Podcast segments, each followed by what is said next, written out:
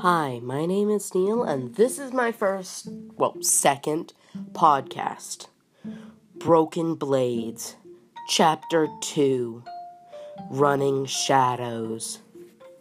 The world will end soon enough, but I guess I stay here and stare. Those were the words I heard. But then, and then I heard the sound of hoofbeats. Bam, bam, boom, boom, running. We all heard the horse hooves running down the path to into the gate. I climbed uh, climbed up the tallest, tr- the only tree on the hill. Cliff, more like, but moving on. I stared from the top, highest branches over the wall. Da- well, over the forest and saw a lone rider being chased by something. And then we heard the screeching.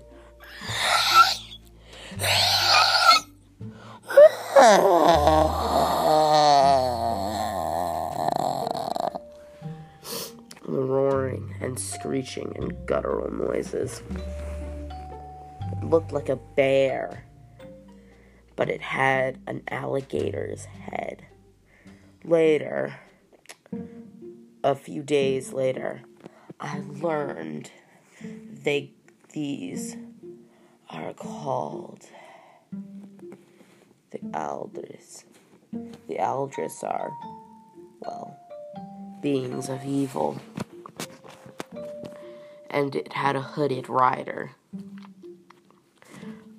I saw that the rider on its back, on the horse's back, was a girl, not much older than me. I am 12. My name is Nicholas.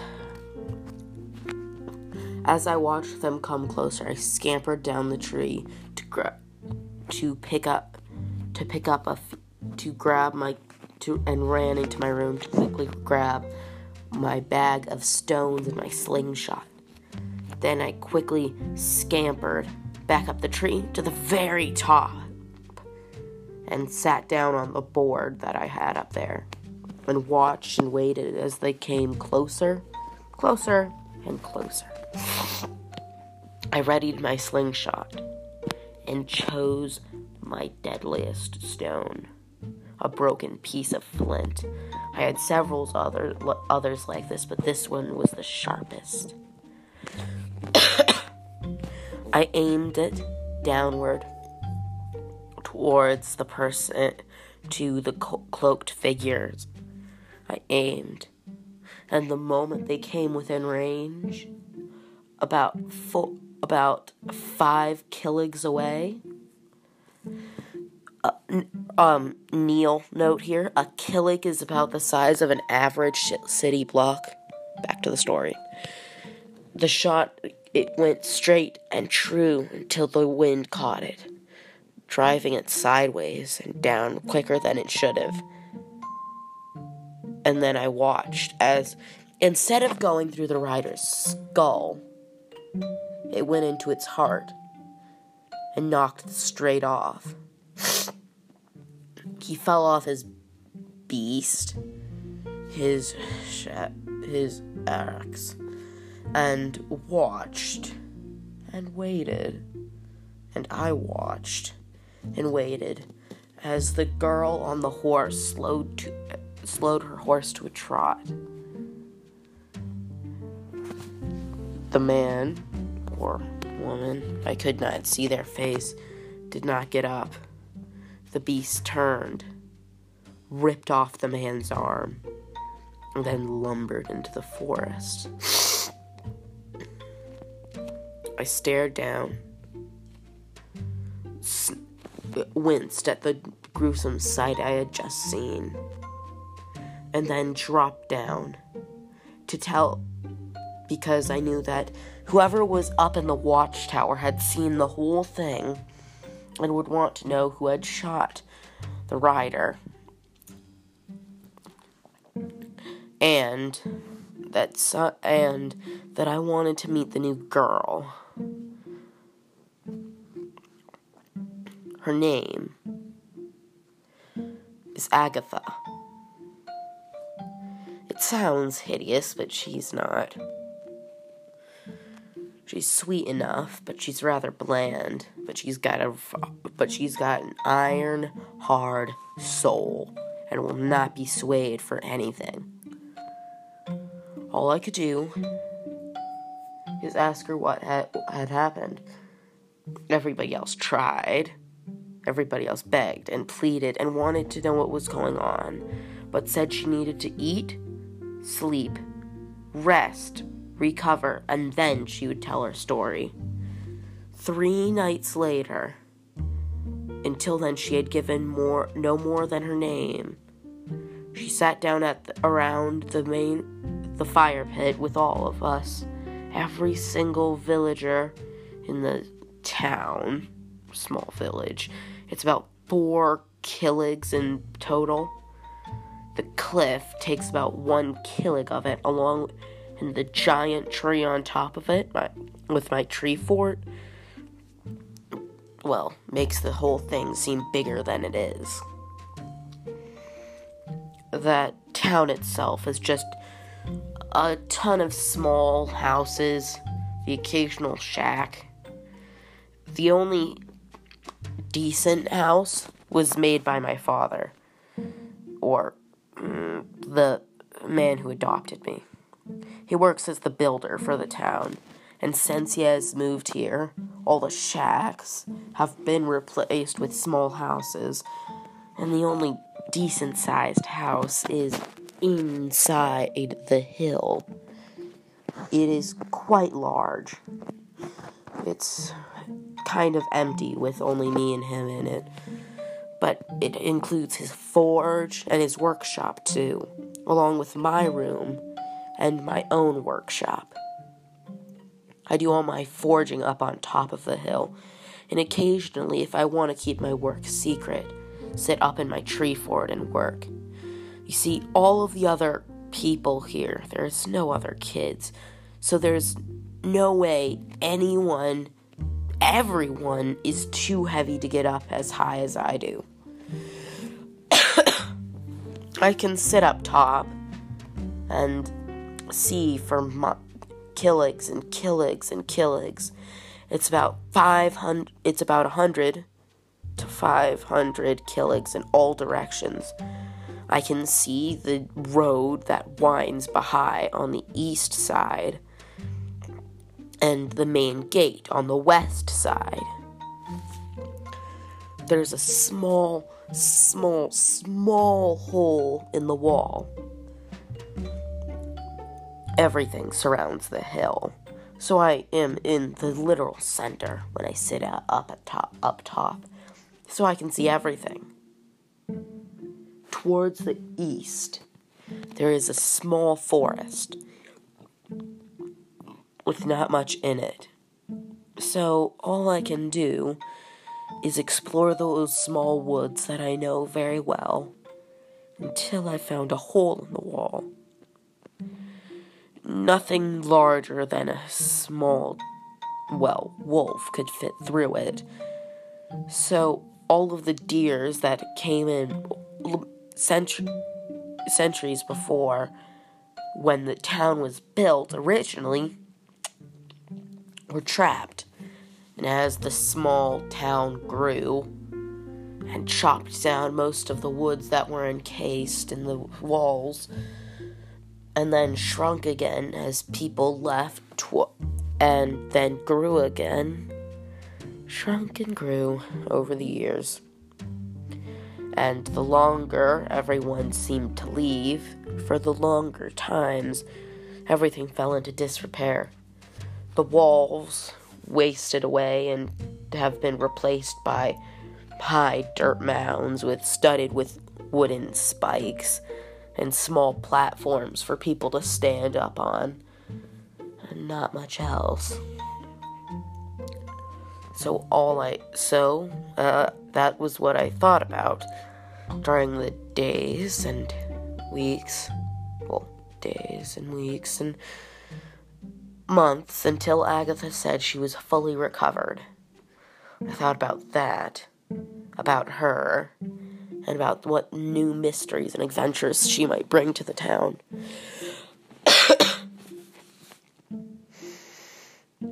I listened to her story. She had been riding for three days. That's why she needed so much rest, I thought to myself. And she was, well, Neil note. I'm gonna say butt nugget sometimes, but they would have had some other swear term for kids. Not swear term, just bad term for kids to use against other kids that wasn't truly offensive. Uh, just replace it with whatever you think of. Uh, nerd. No, that doesn't work. It's it's like centuries ago. Okay, back to the story. She's an absolute butt nugget. She's been a pain to everybody except the innkeeper. He says she pays well enough, so they don't bother each other. I am. She's the only girl my age I've met in about three to four years. Merchants occasionally pass by the town, pass through the town, or stay for a few nights. And those days are some of the most exciting and lively of the year. Because after they leave, everything gets pretty quiet and dull. I learn from my father. I wonder about my mother. And I wait, and I watch, and I explore every nook and cranny and the four killigs that make up this enclosed space my cage, my prison, my home. Our story began like this.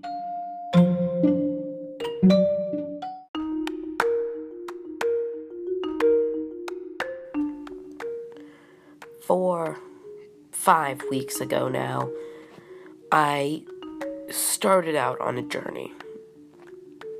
I was supposed to make a delivery to my great great grandmother's niece niece's great great grandchild. My great aunt. I brought a package. It was filled with herbs, medicine. What I didn't realize is that I was smuggling something. A small charm, delicate, made out of clay, covered with ancient symbols designed to ward off evil. You see, evil forces around the nation wanted to destroy it. It was being sent to my great aunt because she was the only one who could copy it with enough skill that it would still retain magic to fight against evil.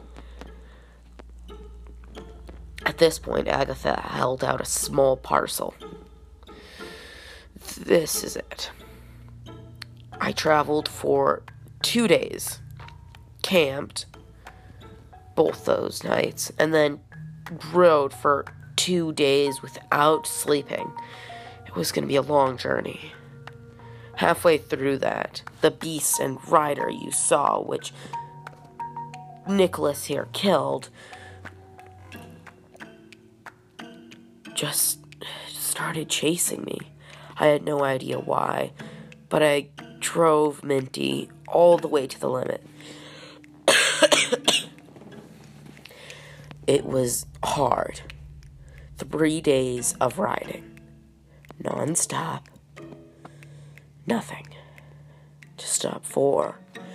At first, it was just open plain. Then there was small bushes, and then it was forest and more forest and more forest, and then the plains again. And then I small spotted your village. and missed the woods. As I rode up the winding roads, I knew I needed shelter and needed to get away from whatever was chasing me. I knew you, whoever lived here, might not let me in, and they might think of me as suspicious and not want me because I was being chased. So, what I did was I hid it the one time I camped. The one time. I know exactly where. I buried it deep underground, the small charm wrapped in a thin layer of cloth torn from my dress. Then, the moment that was over, and I thought I had lost my rider, I heard the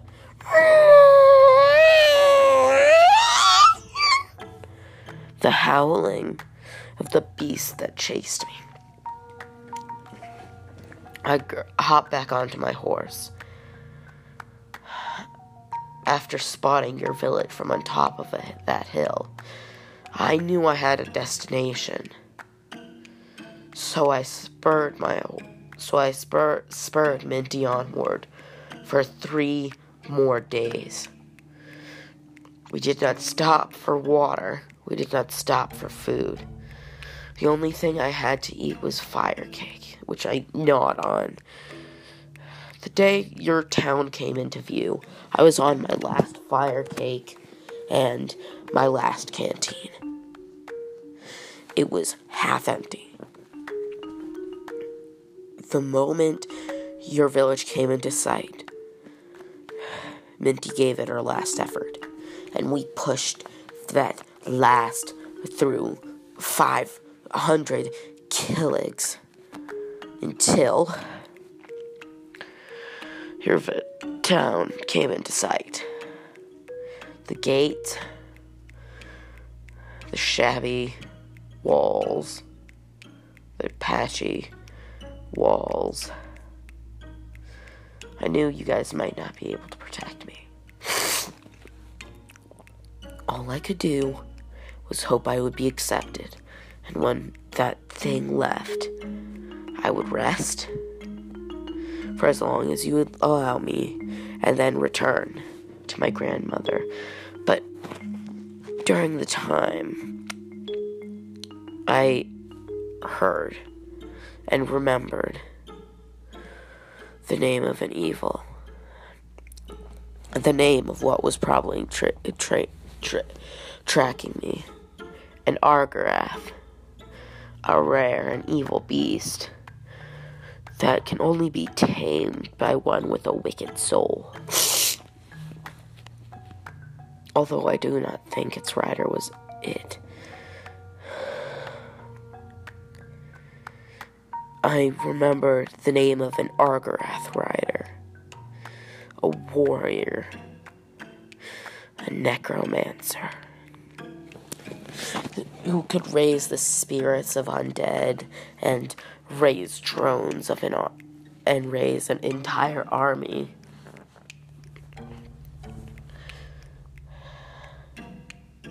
I knew if that who was chasing who was chasing me, they would have just summoned hordes of their creatures and the spirit and spiritlings to possess and control and kill me. They will not stop until they get this parcel.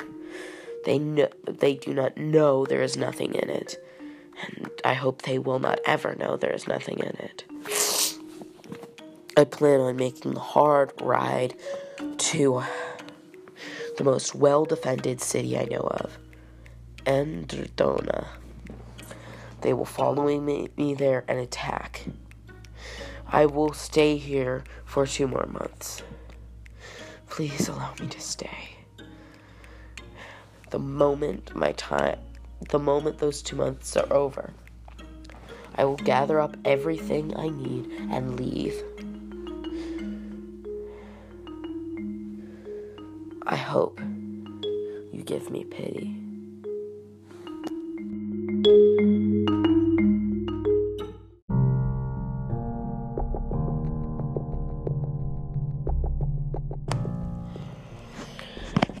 Agatha stood up to leave, we, we were all shocked and stunned with her story. Hi, my name was Neil, and that was my podcast.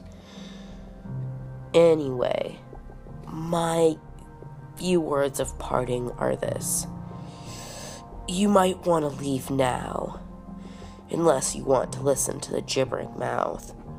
See if you can make any sense out of its nonsense and get any hints at what might come in the future. Anyway, that was me, Neil. Bye bye. I am gibbering mouth. I hear, I say, I see, I say, I will. Listen to the ones that have fallen, the unborn, they hear, they say. Not fallen, they will rise again. Listen, listen, listen.